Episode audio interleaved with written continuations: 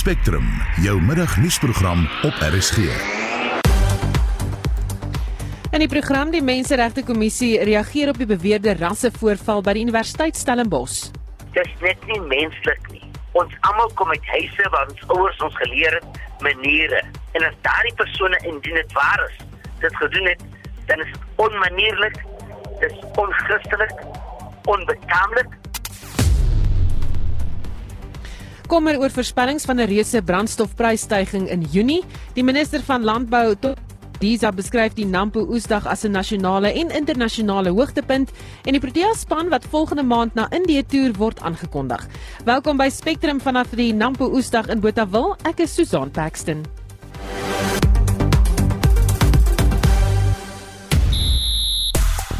SA Rugby verskyn vandag voor die nasionale vergadering om te verduidelik oor die toekoms van hoofuitvoerende beampte Yuri Roo.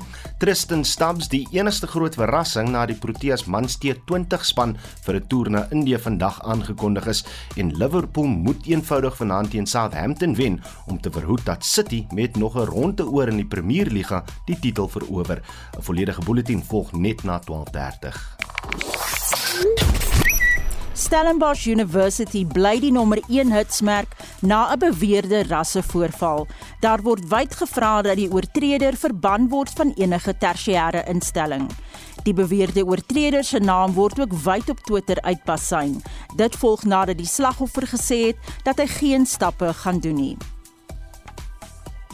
En uh, is jy 'n feesganger wat die nuutgevonde vryheid aangryp om weer vanjaar 'n fees by te woon soos ons hier by Nampo? By watter fees kan jy nie wag om terug te gaan nie? Uh, dan maak ons of nou ja, en dan maak 'n beweerde rasse aanval by die Universiteit Stellenbosch wyd opslaa. Dit kom nadat 'n wit student op 'n swart student se besittings geïrineer het. Hoor die soort gedrag by 'n hoër onderwysinstelling en watter strafmaatreëls moet opgelê word? Klomp vrae waaroor jy kan saamgesels. Dis die feeste asook hierdie rassevoorval. Stuur 'n SMS na 45889. Dit kos R1.50 per boodskap of praat saam op die Monitor en Spectrum Facebookblad.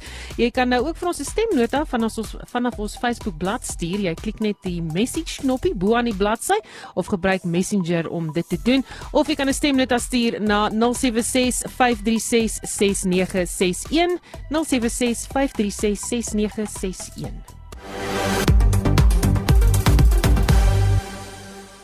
Dis nou 7 minute oor 12 jy luister na Spectrum soos ek klaar gesê het regstreeks hier van Nampo Park af net buite Botawil. En uh, nuus vandag die Suid-Afrikaanse Inkomste Diens het nuwe regulasies bekend gestel vir pensionaarsse wat vra laat ontstaan of dit hulle in 'n hoër belastingkerf sal plaas. Om hierdie saak vir ons te belig, praat ons nou met die direkteur en beleggingsstrateeg van Brenthurst Wealth, Magnus Huystek. Goeiemôre Magnus. Goeiemôre en goeiemôre vir almal. Wat presies behels die nuwe regulasies? Wel, dit is net 'n wysiging van die bestaande regulasies en dit het so 'n bietjie 'n uh, uh bietjie paniek veroorsaak. As ek net kan verduidelik dat tot tot onlangs toe as mense of jy 'n pensionaris is of nie van verskillende aftreeprodukte uh, inkomste verdien en dit is redelik algemeen. Jy het 'n aftreeproduk by by Sanlam en een by Mutual en een by Liberty. En waar ek jy inkomste gekry het. Nou elkeen van daardie maatskappye sou jou dan belas het asof dit jou enigste inkomste is en dan dit aftrek van jou betaling. Wat die nette resultaat van daai praktyk was dat aan die einde van die jaar het SARS dan al die inkomste bymekaar getel en dan gesê nee maar meneer Smit jy moes eintlik meer betaal het so jy skuld ons 'n paar rand want jy uh as jy die gesamentlike bedrag in berekening bring moet jy meer belasting betaal want jy's in 'n hoër belastingskaal. Nou baie belastingbetalers is bewus daarvan. Hulle het probeer vashou vir so lank as dit kan aan die ehm um, belasting wat hulle uh, moes betaal het en dan betaal hulle dit uh, 18 maande of wat later. Nou het SARS met sy nuwe vermoë om inligting te versamel van al die produkverskaffers kan hulle nou al daai optels sommer sommer self doen en dan kan dan dan hef hulle belasting op die inkomste wat dan ooreenstem met die belastingskale. Dit het baie mense nou laat skrik en sê, "Hoe hoe kom betaal ek nou baie meer belasting op my inkomste, maar die die die, die nette resultaat is presies dieselfde. Jy betaal dit nou net vroeër." Hm, so jy word nie in 'n hoër belastingkerf geplaas nie. Dis dis uh, dit is maar net dat mense wil vashou aan hulle eie geld vir so lank as moontlik en dit is menslike natuur. Maar nou kan jy kies. Jy kan nog steeds voortgaan teen die bestaande belastingskale. Ehm uh, en dan aan die einde van die jaar sal jy jouself maar net bedreig maak dat daar 'n bykomende betaling gedoen sal word en baie mense verkies dit nog steeds.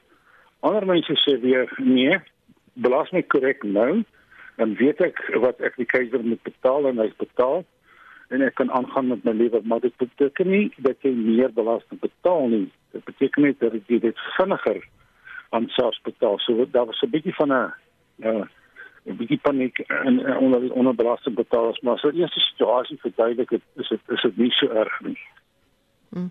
Is die nuwe regulasies regverdig teenoor pensionaarsse wat reeds hulle deel vir die ekonomie gedoen het toe hulle gewerk het? Want dis dis dis 'n hele ander debat. Maar daar is daar is baie groot belastingverligting vir pensionaarsse onder ehm um, oor 'n sekere ouderdomsgroep. Tot uh, ouer is 65 kan jy met werklike belastingbeplanning kan jy jou belasting uh, koers amper afbring tot amper zero deur gebruik te maak van verskillende instrumente om vir jou inkomste te gee en daar sekere toegifte wat wat gegee word en dan ook vir mense ouer as 75 is daar nog meer toegifte. Dit is baie moontlik dat vir mense veral pare, eh, man en vrou, hulle kan 'n hele paar miljoen in die bank geldmark inkomstefondse hê en as hulle dit korrek verpak tussen mekaar is hulle zero is, is hulle inkomste belasting verpligting zero is baie baie laag. So jy moet net die belastingwette sorgvuldig ken dan moet jy baie minder belasting betaal. Baie dankie. Ons het gepraat met die direkteur en beleggingsstrateeg van Brenthurst Wealth, Magnus Heistek. In 'n beweerde rassevoorval by die Universiteit Stellenbosch het 'n wit student op die besittings van 'n swart student geïrineer. 'n Video van die voorval word ook wyd op sosiale media versprei en die voorval het daartoe gelei dat 'n groep studente op die kampus betoog en die permanente skorsing van die wit studente het hulle geëis. 'n Kommissaris van die Menseregte Kommissie, Chris Nissen, het aan Bianca Olifant gesê 'n ondersoek sal geloods word. 'n Mens kan nie net gaan en sê op jou sien op Twitter en op die sosiale webblaaie dat dit gebeur en ons moet die universiteit vra hulle moet instel om te vra wat gebeur het. Maar indien waar indien dit sou dit waar is, dan sal die kerk definitief ons in ingaan op die storie, maar ook met die verstandhouding dat die MK moet ook besef dat ons kan nie net in hardloop en dinge doen nie. Ons moet kyk wat het dit te doen ook met hoe ons kan help om sosiale uh, uh, uh, cohesion te kan bevorder. En dit is wat die MRK sal doen. Sou jy die voorval as rassisties beskryf? Dat is net verstaan dat studente en studente lewe oor die algemeen doen dinge met nie omdat hulle van 'n ras of 'n klas kom nie, maar studente wat net allerhande nonsens aanvang, as ek dit so mag stel. Maar kom ons kyk eers voor ons rassisties sê, kom ons kyk eers wat die agtergrond is, wat het gebeur, was daar 'n uitdaging van die een tot die ander een, was daar miskien van die studente wat bietjie onder die invloed was en geloop het en gesê kom ons doen dit sodat ons nie kyk net na ras nie, kom ons kyk na wat het gebeur en laat die MRK die ondersoek doen en uitvind en tot dan 'n konklusie kan kom. Watter stappe neem die universiteit? ons vir die universiteit vra om 'n ondersoek te doen. En la, kom ons laat die universiteit toe om daardie ondersoek te doen. Kom ons laat dit toe om te dan uit te vind wat daar aangegaan het en dat indien en wanneer daar 'n uh, violation was, dat die universiteit toe om dit te doen. Daardie studente wat skuldig bevind sal word, die nodige geregtigings sal sal dit gaan of dit 'n grapjas of 'n rassisties is of whatever 'n studente ding is, is jy gaan nie in iemand se kamer en gaan wie op daai persoon se bed of in daardie se kamer nie. Dit is net nie menslik nie. Ons almal kom uit huise waar ons ouers ons geleer het maniere. En as daardie persone indien dit waar is, dit gedoen het, dan is dit onmanierlik, dit is onchristelik, onbetaamlik en dat die universiteit dan voortgaan met hulle ondersoek in daardie geval. En dat die persone wat dit gedoen het of die persoon of persone gedoen het en selfs die persone wat hom of haar aangehit het, dat hulle ook na vore moet kom en die element kom staan. Ons het gesien in die verlede, maak saak watter ras of kleur nie, dan praat mense daaroor. Moet dink aan albei kante. Maar wat gebeur het is is verkeerd indien dit waar is. Waar is, dit verkeerd en ons moet optree in daardie verband. En dit was Chris Nissen, 'n kommissaris van die Suid-Afrikaanse Menseregte Kommissie. Bianca Olifant het met hom gepraat en dit het intussen aan die lig gekom dat die slagoffer, Babalo Ndwajana, besluit het om nie strafregtelike klagtes te lê nie. Die minister van Landbou, Grondhervorming en Landelike Ontwikkeling, Toko Didiza, beskryf die Nampo Oesdag as 'n nasionale en internasionale hoogtepunt. Marlenae Forsie berig dat Didiza vertroue het in die rigting wat haar departement inslaan. Een van die kwessies waaroor daar heelwat ontevredenheid is by Nampo, is die toestand van die land se vervoer-infrastruktuur. Die minister sê ook hulle is gefrustreerd en bekommerd.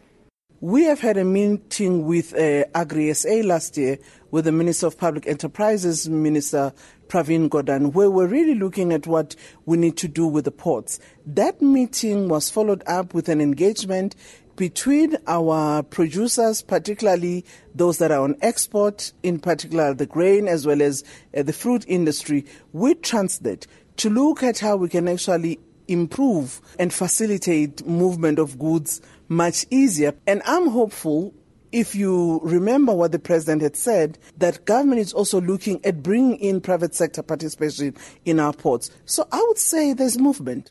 Swak paaie in landelike gebiede kry ook na bewering aandag. We have been having, as a ministry led by Deputy Minister Kapa, the wing of rural development, engaging with the agricultural sector to see how government can partner with the agricultural industry to actually address the issue of rural roads, on farm and off farm, in support of agriculture. So I would say there is a movement. It might be a little slow, but it's there. Haar besoek volg kort na die goedkeuring van die sogenaamde nasionale landbou meesterplan wat heelwat ontevredenheid in landbougeleedere uitlok.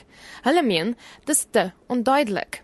Any plan is tested in implementation. You will have to engage in implementation to be able to see the flaws, successes, where you might actually have been too ambitious you are able to actually refine. That's why we take our master plan as a living document, because as challenges emerge, you'll have to adapt.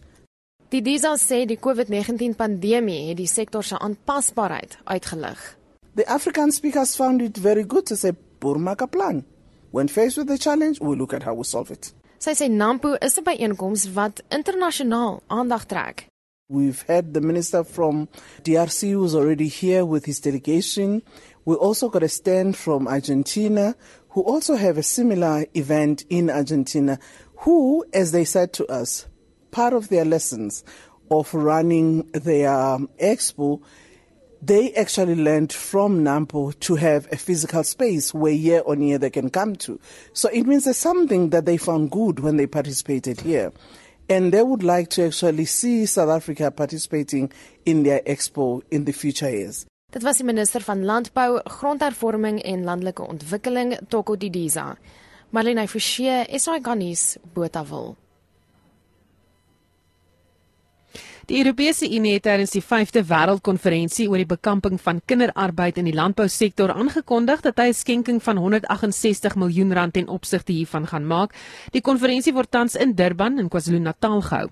Leidens navorsing deur die internasionale arbeidsorganisasie het kinderarbeid die afgelope 4 jaar aansienlik toegeneem in Sub-Sahara Afrika. Bianca Olifant berig. Volgens 'n verklaring van die 4de Wêreldkonferensie oor kinderarbeid wat in 2017 gehou is, word 71% van kinderarbeid in die landbousektor verrig. Die kommissaris van die Europese Unie vir internasionale vennootskap, Jutta Urpalanen, sê die EU steun alle pogings om kinderarbeid in die sektor te bekamp. And we have the responsibility as policymakers, companies and consumers. So right now we work to boost food security and production in partner countries In parallel, we must pay particular attention to child labor. And this is why I can announce today that the European Union will invest 10 million euros more in a new action targeting child labor in agriculture value chains.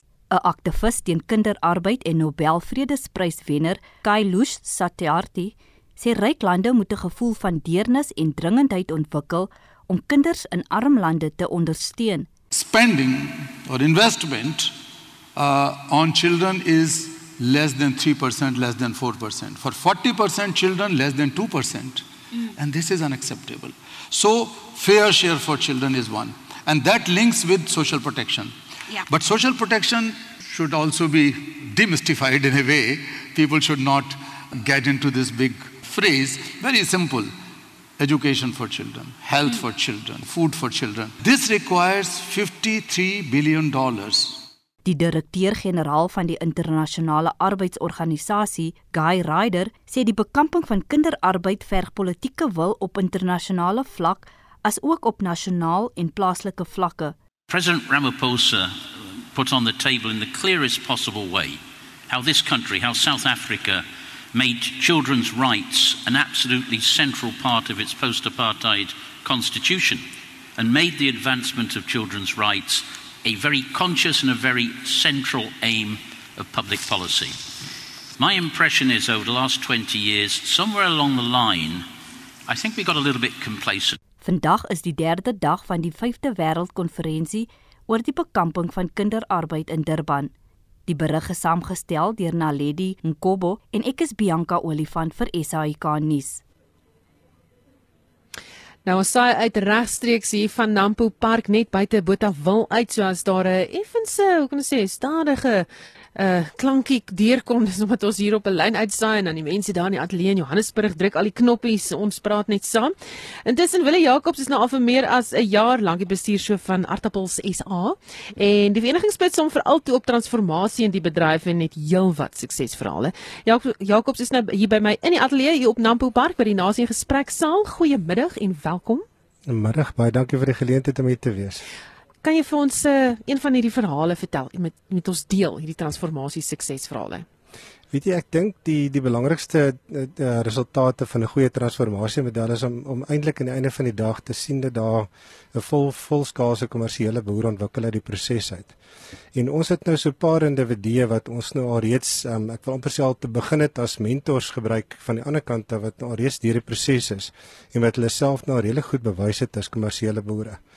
Maar van die van die laaste deelnemers of van die jongste deelnemers wat ons aan die aan die model het, uh, het ons baie goeie suksesverhale gehad. Jy weet, um, aardappelprodusente wat 50 60 ton per hektaar aardappels afval soos 'n kommersiële boere doen wat goeie kwaliteite lewer wat goeie markpryse kry in hulle produkte jy weet so hulle is besig om al die karakteristikke te begin ontwikkel van baie goeie kommersiële boere en ons sien uit daarna om daai daai partye ook deur die proses te kan kry en aan die einde van die dag hulle te kan afstaan in die kommersiële bedryf. Hmm. Wat is die wenresep wat transformasie betref? Weet jy, ek het 'n uh, vroeëre gesprek gehad met iemand en ek dink die belangrikste ding is die die hele konsep daarvan 'n transformasie hanevat proses is. Dit is 'n uh, dis 'n verhoudingsproses. Ons werk geweldig baie sterk met die verhouding tussen ons uh, kommersiële boere wat heidaglik in die proses is en dan ook ons transformasieboere wat saam met hulle werk soos wat 'n pa maar sy kind geleer behoort het, so moet hierdie proses ook saamgevat word. Dis 'n lang proses. Mense moet mekaar leer verstaan. Hulle moet familie word vir mekaar. En hulle moet regtig volle vertroue hê. Jy weet dit, dit is transformasieboere, nuwe Suid-Afrikaanse boer moet met oorgawe luister na wat daai mentor en daai kommersiële boer vir hom sê en hoe goed doen en volle vertroue, jy weet. So dit is dis dis werklike handneem proses. Um, en dis 'n proses wat deur die seisoen gaan. Uh dis nie Dis nie ek gooi in die water en leer swem nie. Ek uh, gooi in die water en duik saam met jou in en ons spartel tot dit aan die ander kant uitkom. Klink vir my nou 'n goeie resep daai. Is iemand wat saam my inspring swem. Toe jy destyds die leiersels oorgeneem het, het jy gesê jy wil data tegnologie inspann om vooruitgang in die vereniging te bewerkstellig. Hoe vorder daardie proses? Weet jy, ehm um, so vinnig soos vir tegnologie, so lank vat dit om hierdie proses in gang te kry. Maar ons het ehm um, ons het redelik vroeg in verlede jaar reeds ons applikasie, ons inligtingsapplikasie wat op die selfone beskikbaar is, uh, aan ons produsente beskikbaar gestel. Dit is besig om teen 'n redelike spoed uh, aangeneem te word as 'n model vorentoe. Um, ons het ook hierdie jare redelike substansiële begroting beskikbaar gestel gekry om verdere ontwikkeling te doen daarop. Nou goed waarna ons produsente kan uitsien is om te begin om sekere goederes rondom gewasinligting en um, meer van ons navorsingsdata en daai tipe van goederes wat gewoonlik op die webwerf en meer in dokumente beskikbaar was, fisies op hulle selfone te kan in die hande kry. Huidigelik as jy die Artappels SA, die Potato South Africa uh, app gaan aflaai op jou selfoon, gaan jy die markinligting kry van al die verskillende markte, die oggend en die middag inligting, jy gaan pryse kry, jy gaan volumes kry, jy kan sien hoe beweeg dit. Um, wat baie interessant is, is as 'n ou begin om die markvolumes dop te hou en te sien as die volumes op die markte styg, hoe die pryse daal en hierdie in die in die punte andersom ook. En dan kan 'n aardappelprodusent gaan as 'n bietjie meer detail rondom sy kultivar en sy samestelling gaan kry om te sien wat is sy pryslyne waarna hy kyk vorentoe. Die volgende ontwikkelings wat ons nou op die tafel gaan sit, gaan baie meer gemik wees daarop om die uh, produsent in staat te stel om sy uh, boerderybestuursinligting soos byvoorbeeld sy geografiese inligting um, deur middel van satellietbeelde en daai tipe van goeders ook op sy selfoon in die hande te kry. Hmm. So ons sien baie uit na die volgende stappe in die model, maar soos wat ek sê, programmering vat baie langer as wat die inligting vat om by ons uit te kom. ja, ja, maar ek dink dit is opwindend al hierdie tegnologie. Uh, uitdagings. Wat is van die grootste uitdagings nou? Weet jy, ek dink ek dink die grootste uitdagings bly nog steeds die die die tempo van aanneme van tegnologie. Ehm um, vir my uh, wat nou vir baie lank tyd uit die finansieringsomgewing uitkom, ehm um, is dit belangrik dat ons kan begin om die die hele uh, gebruik van monitering waar 'n ou uh, nie net kan sien wat in die boerderyproses aangaan deur middel van kom ons sê satellietbeelde en inligting nie, maar ook uh, onder onder lê deur rekordhouding kan gebruik om finansiering te ontsluit vir meeste van die projekte. Ons sukkel om grondwaardes en balansstate te gebruik om finansiering deur te druk. En ek dink, ehm um, sodra die tegnologie sterk genoeg is om daai visuele vertroue amper dat jy die gevoel kry dat jy saam met iemand in die water is en saam swem, dan sal ek wil amper sê baie meer vrymoedigheid kry in terme van finansiering om alternatiewe produkte op die tafel te sit uh, as wat hierdie generiese balansstate tipe finansiering is wat ons al gewoond is. Hm, dink ook opwindend. Baie dankie. Ja. Willie Jacobs van Attappels SA. Hy is die bestuurshoof daar en hy het eh, vanmiddag hier in die ateljee by ons gekuier. Baie dankie vir jou tyd. Ek waardeer dit, dankie hoor. Terug na nuus uit die wêreld in 'n geskiedkundige stap het die Keniaanse oppositiepolitikus Raila Odinga 'n vroue kandidaat as sy adjunk aangewys. As die Orange Democratic Movement die verkiesing in Augustus wen, kan Martha Karua as die land se eerste vroue adjunk president na vore tree. En vir meer praat ons nou met uh, professor Amanda Gous van die departement politieke wetenskap aan die Universiteit Stellenbosch. Goeiemôre Amanda. Goeiemiddag. Wat beteken Odinga se keuse van Karua vir vroueregte in Kenia of is hy slegs besig om na die vroue stem te vry? Dan ek dink jy weet op 'n simboliese vlak maak dit wel saak dat hy haar gekies het. Uh Kenia het in 2010 'n kwota gekry vir vroue se verteenwoordiging en en wat die kwota sê is dat geen gender mag meer as 2/3 verteenwoordiging hê nie. Nou in 2013 en 2017 het, het dit nie eintlik 'n vreeslike verskil gemaak nie. So die kwota werk nie baie goed nie. Uh, op die oomblik is dit op 21%. Maar so so wat dit beteken dat op 'n simboliese vlak om vir haar as 'n adjunkt presidentsiële kandidaat te hê, ehm um, wys dat vrouens wel in hierdie posisie uh, hulle self kan uh, geplaas kan word en dat hulle hulle self kan eh uh, laat geld in in so 'n posisie. Sy is 'n baie sterk vrou. Hulle noem haar die eerste vrou. Sy was um, 'n um, regter gewees, maar sy was ook van tevore uh, in ministeriële posisies gewees. So sy het baie ervaring van regeerkunde en ek dink dit maak haar ook 'n uitsonderlike kandidaat. Hm. Sy staan ook bekend as die eystervrou. Kan dit as 'n kompliment beskou word of het die woord 'n bybetekenis? Wel, ek dink die woord het 'n slegte betekenis gekry na Margaret Thatcher wat as die eerste vrou beskou is en wat werklik niks vir vroue regte gedoen het nie en jy weet wat die rug van die Unie gebreek het en dit is hoekom sy die eerste vrou genoem is. Ehm um, maar ek dink as dit verwys na Martha Karua is dat sy vat nie nonsens nie. Uh sy is baie sterk gekant en uitgesproke teen korrupsie en sy het 'n lang uh, rekord van iemand wat ehm um, uh, regeer op 'n manier uh wat in die belang van die bevolking is en ek dink dat die, die feit dat sy haarself laat geld in 'n mans gedomeineerde wêreld is hoekom hulle haar die eerste vrou noem. En Karua en Odinga het al in die verlede swaarde gekry. Kan ons uit hierdie stap aflei dat die stryd by hulle vereers begrawe is? Ja, sy het hom uh, in 'n stadium 2007 het sy gesê dat hy besig was met 'n uh, met 'n volksmoord, maar hulle het nou die blykbaar die stryd wel begrawe en wat belangrik is is dat die Kikuyu stem wat die sentrale gebied in Kenia is. Uh enige kandidaat het daai steun nodig om 'n verkiesing uh, te wen en sy is, is van daardie gebied en sy is Kikuyu so sy kan daai stem bring vir Odinga. Um en die vraag is natuurlik um as sy dan die die, die adjunct president word sal sy kan staan om later wel die president te word. En en dit bring ons terug na jou vraag, is dit net om die stem te kry um en ook heel moontlik die vroue stem te kry dat Odinga haar gekies het. So met politiek kan 'n mens nooit seker wees nie, maar dit sal dan ook afhang van hoe sy haar gedra as 'n adjunct president as sy dit word. Um en en dit sal bepaal um of sy wel die president in 'n volgende verkiesing kan word. Dan is Elizabeth Bourne pas as die Franse eerste minister aangewys, die eerste vrou in 30 jaar om hierdie posisie te beklee. Is daar 'n omwenteling in die politieke sfeer? Wat ek dink daar's daar's ehm um, in in as ons kyk na Afrika, daar's 54 Afrika lande en daar was nog net in ehm um, ses lande was daar 'n vroulike 'n vroue president. So dit is meer algemeen in Europa waar ons ook gesien het dat vrouens anders geregeer het uh, tydens die pandemie.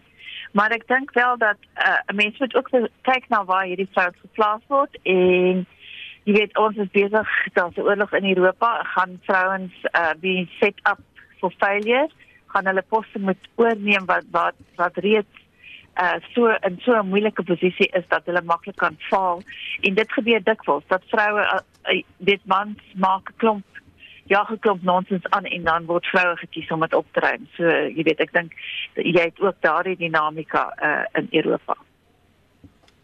Baie dankie. Ons het gepraat daar met uh, Amanda Gou. Sy is professor van die departement politieke wetenskap aan die Universiteit Stellenbosch. Jy luister na Spectrum op RSG. Die bedrog en korrupsie saak teen oud-president Jacob Zuma word tot Augustus uitgestel. Eskom sê beerdkrag bly in plek vir die res van die week en net hier na die jongste nuus vanaf die Nampo Oesdag in Botawil bly ingeskakel.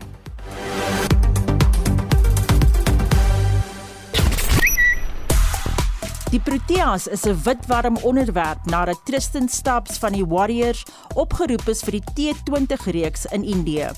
En dan gesels mense oor Somalië nadat president Hassan Sheikh Mohammed tot 'n tweede termyn verkies is. 'n Beweerde rassevoorval by die Universiteit Stellenbosch maak wyd opslaa.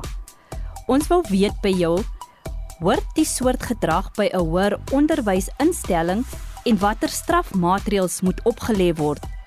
Sonja van Belwel laat weet op die SMS-lyn. Ongeag of dit as ongroening beskou kan word, behoort daar grense van welvoeglikheid te wees. Daar is geen verskoning vir sulke gedrag nie. Die ras onderrok hang uit. Erns sê, vergeet van wit of swart.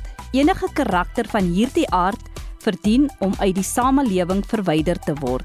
Om nou berou te toon of dronkenskap as versagting voor te hou, is nie goed genoeg nie. 'n anonieme luisteraar sê hy hoop die student wat urineer het se ouers luister. Hulle het hom en die res van die wit mense geval. Sis, julle is nie my mense nie. Tug tog julle kinders wanneer hulle stout is. Pietro van Dannebay sê hy dink dis deel van boelie gedrag. Hy sê die skuldige moes van beter geweet het en dis nie goed dat hy geskort is. Dan oor die feesdroogte en na watter feeste jy uitsien. Alet Beet sê: "Nee, brandstof te duur, tolpaaie, slaggate en COVID-19 vereistes. Nee wat, ek hou maar my fees by die huis." Leon Hout sê: "Hy sou bitter graag wou gaan, maar is nie ingeënt nie." Pietrix Rademeier sê: "Sy geniet die feeste en ondersteun graag die kunste."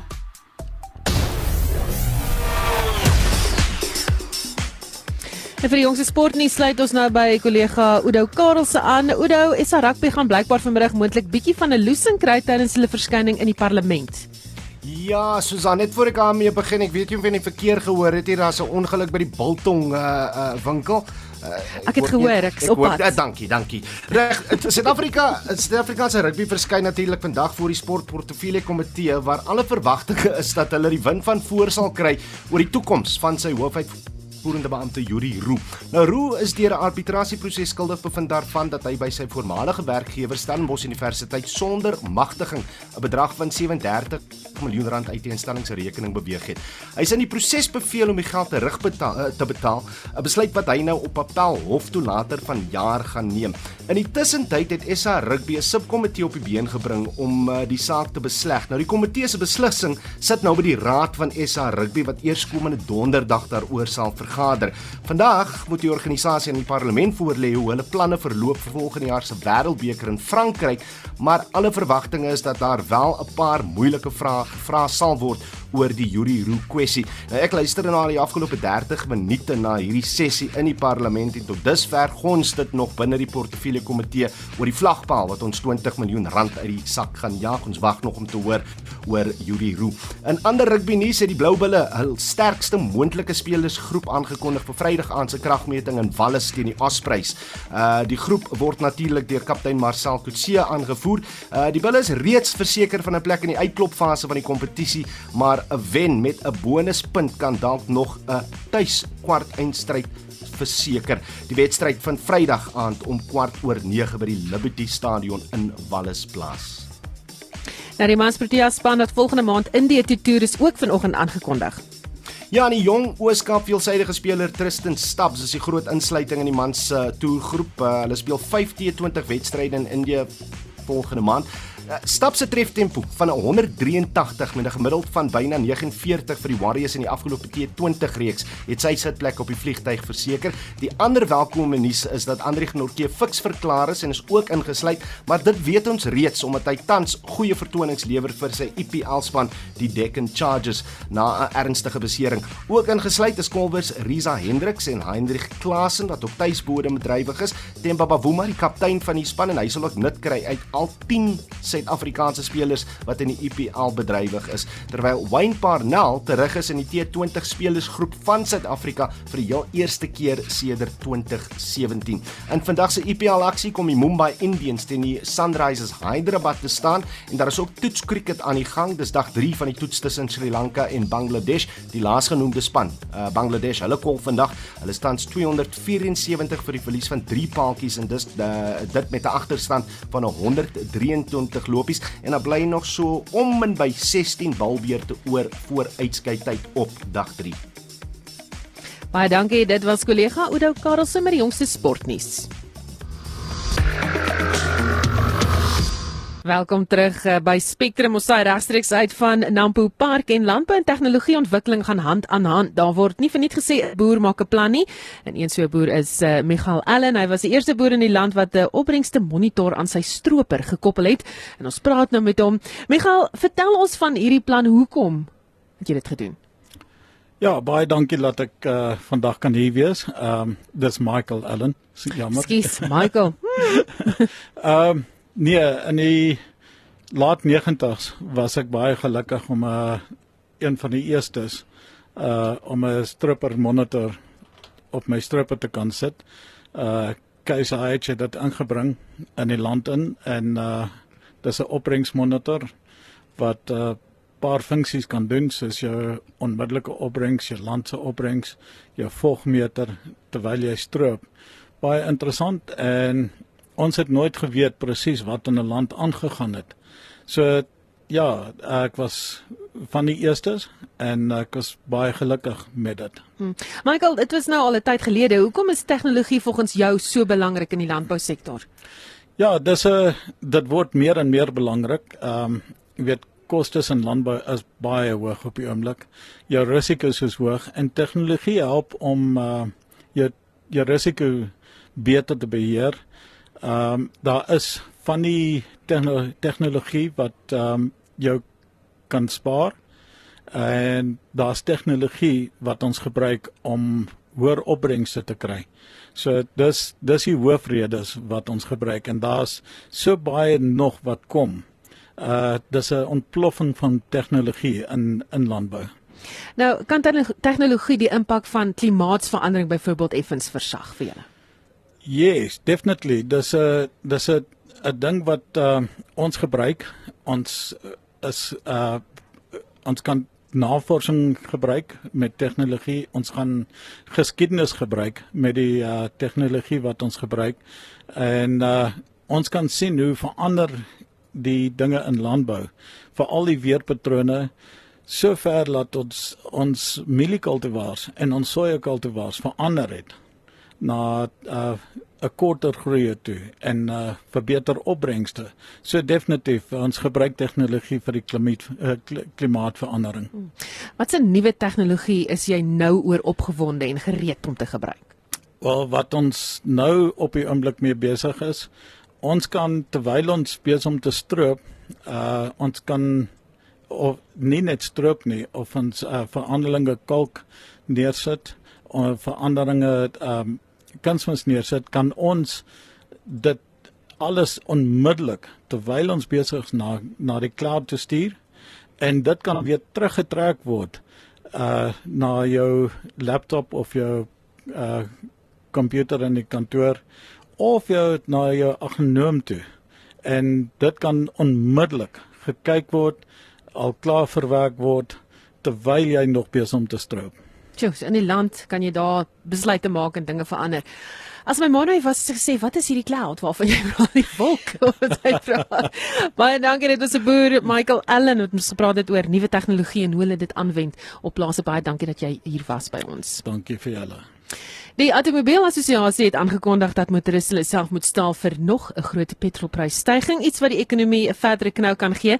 Dit was dan ook vandag se onderwerp by die Nasie Gesprek debatstreeks wat hier by Nampo Park gehou word. Die groepienaar van die Buro vir Ekonomiese Ondersoek was op die paneel en sluit nou by ons aan en as ek praat van die tema is uh, die ekonomie en ons stand van ons ekonomie. Wat is die stand van die ekonomie? Goeiemiddag Susan. Uh, ja, ek dink dis 'n bietjie van 'n gemengde prentjie. Ehm um, ek dink die ekonomie het eintlik op 'n goeie voet begin uh, hierdie jaar. Uh, die die die COVID beperkings is natuurlik verslap. Uh, ons het gesien ekonomiese aktiwiteit tel eintlik mooi op. Ehm um, maar ons het nou 'n bietjie van 'n Uh, wel, ons het nou groot probleme in in April opgetel, die nagevolge van die die Russiese inval in in die Oekraïne, maar daar was ook plaaslike ehm um, uh, probleme wat te voorskyn of eintlik weer te voorskyn gekom het. Die beerdkrag is natuurlik 'n belangrike een en dan die vloede in in KwaZulu-Natal. En miskien 'n laaste ehm um, negatiewe faktor is dat ons begin nou weer sien dat stakings uh uh optel in in in in verskeie sektore. Uh so ek dink die tweede kwart waar die eerste kwartaal waarskynlik redelike positiewe groei gaan wys, uh lyk die tweede kwartaal uh nogal negatief op hierdie stadium. Hmm. Uh, hoekom wil dinge net nie vlot of op dreef kom nie dink jy? Wel ek ek meen ons ons weet oor Eskom en ons weet die die die die probleme met kragvoorsiening en dit is 'n dit is 'n voortdurende probleem wat ons net op hierdie stadium nie uh, uh, opgelos kan kry nie. So dit is 'n belangrike uh, uh, faktor. En dan moet mens ook sê, jy weet, daar daar's 'n verskeidenheid skokke wat die ekonomie die laaste klompie jare uh, getref het. Of dit nou COVID is, nou is dit die oorlog, uh die die die vloede. Nou goed, ons ekonomie het selfs voor COVID natuurlik nie nie besonder goed presteer nie, maar maar ek meen mense moet dan nou sê die laaste 2 jaar was was was 'n besondere slegte tyd in terme van jy weet onvoorsiene skokke wat wat wat ons en die res van die wêreld getref het. Gepraat van die res van die wêreld, sien dat sake binnekort gaan verbeter met met alles wat in die wêreld aan die gang is? Susan, ek weet daar's daar daar's 'n paar faktore. Die een is um, wat in China gebeur met hulle zero COVID uh, beleid uh, wat 'n bitter negatiewe impak op hulle ekonomie het. Ons het nou data gesien wat hierdie week uitgekom het en jy weet dit is dit is besonder swak. Uh, so dit dis die tweede grootste ekonomie in die wêreld wat nou onder besondere druk is. Ehm um, so ek dink ons moet nou sien hoe daai situasie uitspeel in in in China. Ehm um, jy weet as hulle sou afstand doen van daai beleid of kom ons sê as hulle COVID situasie stabiliseer, jy weet dan behoort daar nogal redelik vinnige vraag terug te kom in in die res van die ekonomie. So ek dink die tweede helfte van die jaar in terme van die Chinese situasie behoort beter te lyk.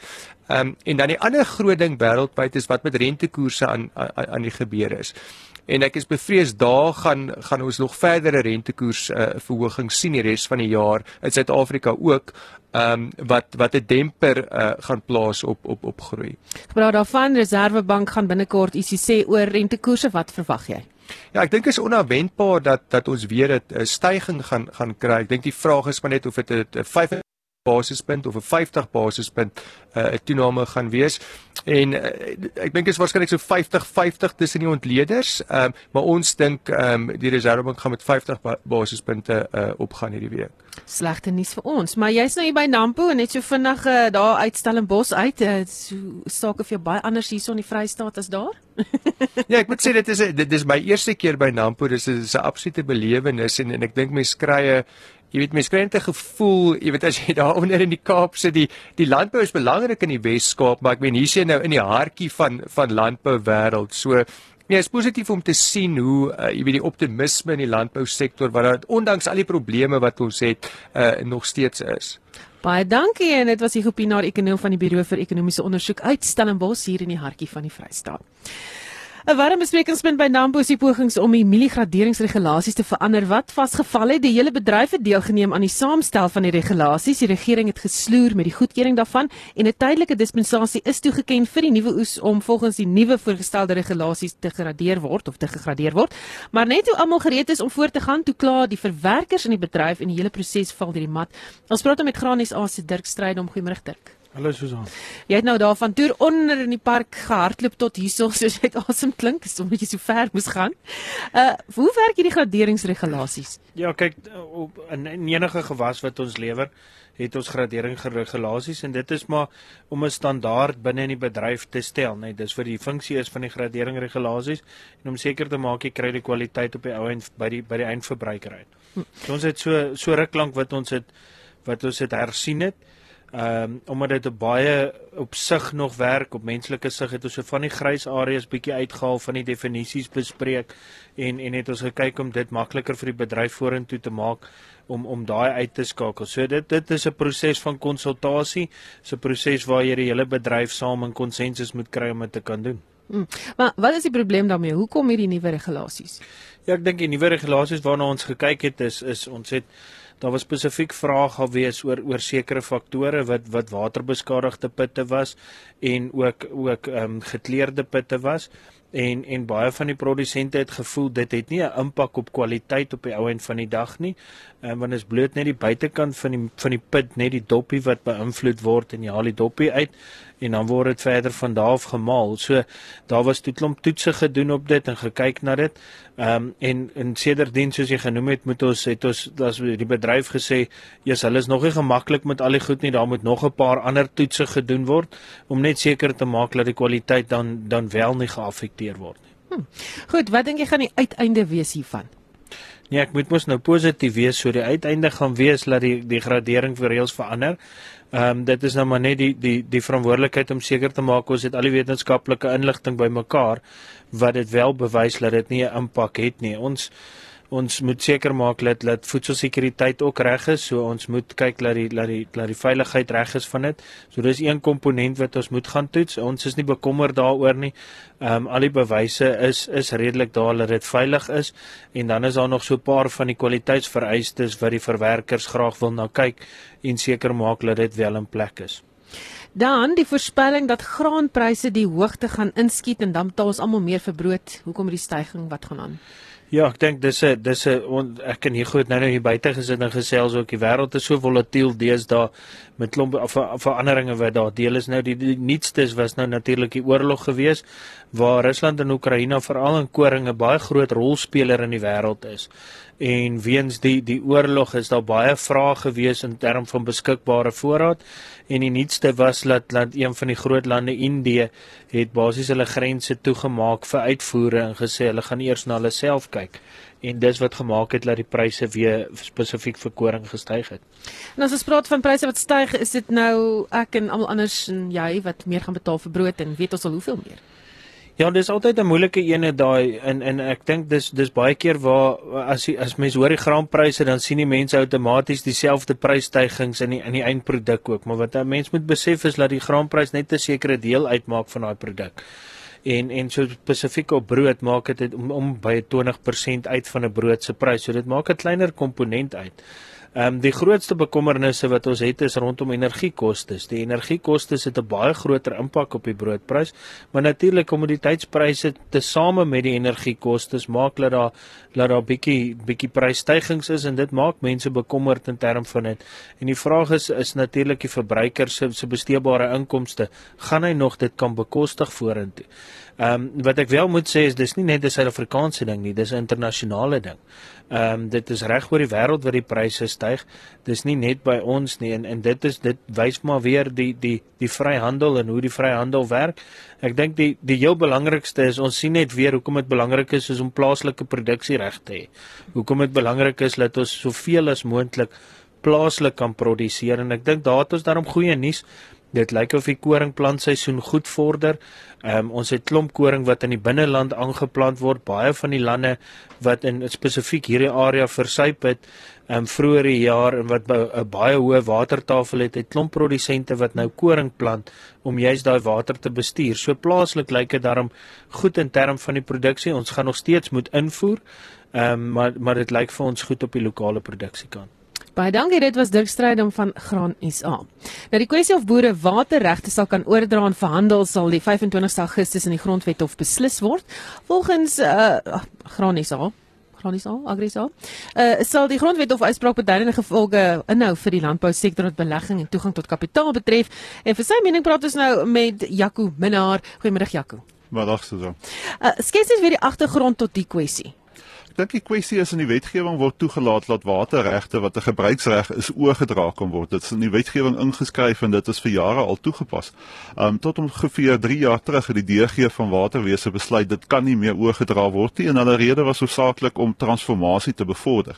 Die impak hiervan is egter dat dat selfs water aan transformasie begunstigdes kan nie oorgedra word nie want want want alles is gestop. So AGSA het dit saam met van die vennote na die Hooggeregshof toe gevat en die einde van die dag die Hooggeregshof het uitspraak gegee om te sê waterregte moet kan oordra. Die regering het nie binne, binne tyd geappeleer nie, um binne die Hooggeregshof nie, maar toe besluit om dit eerder te verwys na die na die grondwetlike hof toe.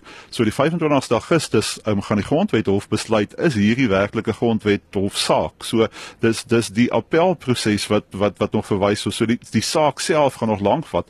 Intussen die afgelope 3 jaar het geen water waterreg oordragte gebeur nie en, en dit is vir ons 'n groot kommer in die landbou. So hoe sal dit landbou raak as die hof dan nou nie in julle guns beslis nie? Waterregte het het, het 'n bepaalde waarde. Um en oor hy waarde het wil jy dit so optimaal as moontlik gebruik en so optimaal as moontlik bestuur. So byvoorbeeld as boere net 'n sekere gedeelte van die water gebruik, het hulle nou die vermoë om dit te kan afverhuur of af te verkoop aan aan aan, aan ander boere in die omgewing, ander produsente in die omgewing. Maar met hierdie stop van waterreg oordragte is daar nie meer daai reg om dit te kan om om dit te kan oordra nie. Um so so die effektiwiteit van jou waterverbruik vind nie plaas nie. Ek dink dit het 'n groter impak op die einde van die dag. Dis 'n reg wat jy wat jy gehad het, 'n gebruiksreg wat toegeken is aan jou wat in die toekoms dan die staat gaan besluit en wie hy dit gaan toeken en hoe hy dit gaan toeken. En dit het 'n groot implikasie nie nie net vir waterregte nie, maar vir alle alle uh uh uh, uh regte wat 'n ou eintlik het in terme van grondregte, maar dit kan selfs 'n impak impak hê op op al die lisenseringsregte um, wat mynbouregte en sulke goed ook insluit. En wat is julle gevoel oor die departement van water en sanitasie se standpunt oor die kwessie? Ek dink hulle wil transformasie bevorder wat wat natuurlik 'n goeie 'n goeie eh, mikpunt is, maar maar die manier hoe hulle dit uitvoer en die in die praktiese uitvoering daarvan, ehm um, bevorder dit eintlik glad nie. Dit plaas eintlik hele onsekerheid daar rondom. Ehm um, en en dit maak dat investering en nuwe investering dood eenvoudig net nie net nie net nie plaasvind nie. Ons het goeie gesprekke met hulle. Ehm um, dit was vir ons bietjie verbasend dat hulle dit na die grondwet hof toe verwys het aan die einde van die dag. Ehm um, maar ons sal nog sien wat sê hulle en hulle presies wat is die redes hoekom hulle dink is 'n grondwetlike saak. Baie dankie, dit was die president van AgriSA, Jaco Menaar.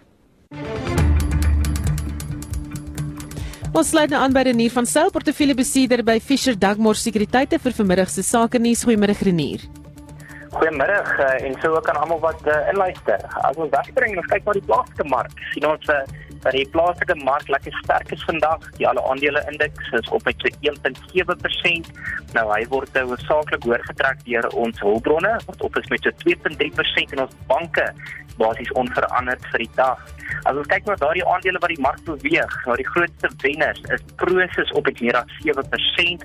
Dit natuurlik nadat sy grootste basis Tencent positief was in Hong Kong vanoggend op die rig van 'n opgradering vanaf JP Morgan. Dan sien ons ook dat uh, die mynboumaatskappy Darrow is op met so 5.3%. Aan die ander kant van die muntstuk is Shoprite af met 2% en Woolworths die die, die Lyk vir my ons het daar vir Renier verloor. Nie seker of ons hom gaan terugkry nie. As Johannesburg daar vir my laat weet. Intussen, uh net so vir ons groet kom ons maak musiekies. Jackie Lou met Engel van die Platteland. Platteland, sis met Engel van die Platteland. En dit was Jackie Lou met Engel van die Platteland. Ons het hier vanaf die Nampo Oesdag in Botawil in die Vrystaat waar ons ook vir die res van die week gaan uitsaai op Spectrum en ook op Monitor soggens tussen 6 en 7. Ons span hier is Marlenae Forsie en Gift Zikalala en in Johannesburg waar hulle die knoppies regdruk, is dit Nicoline de Wee en Johan Pieterse. Onthou brandpunt vanmiddag om kwart voor 6 vir die jongste nuushoogtepunte. Geniet jou middag in die geselskap van RSG. My naam is Susan Paxton.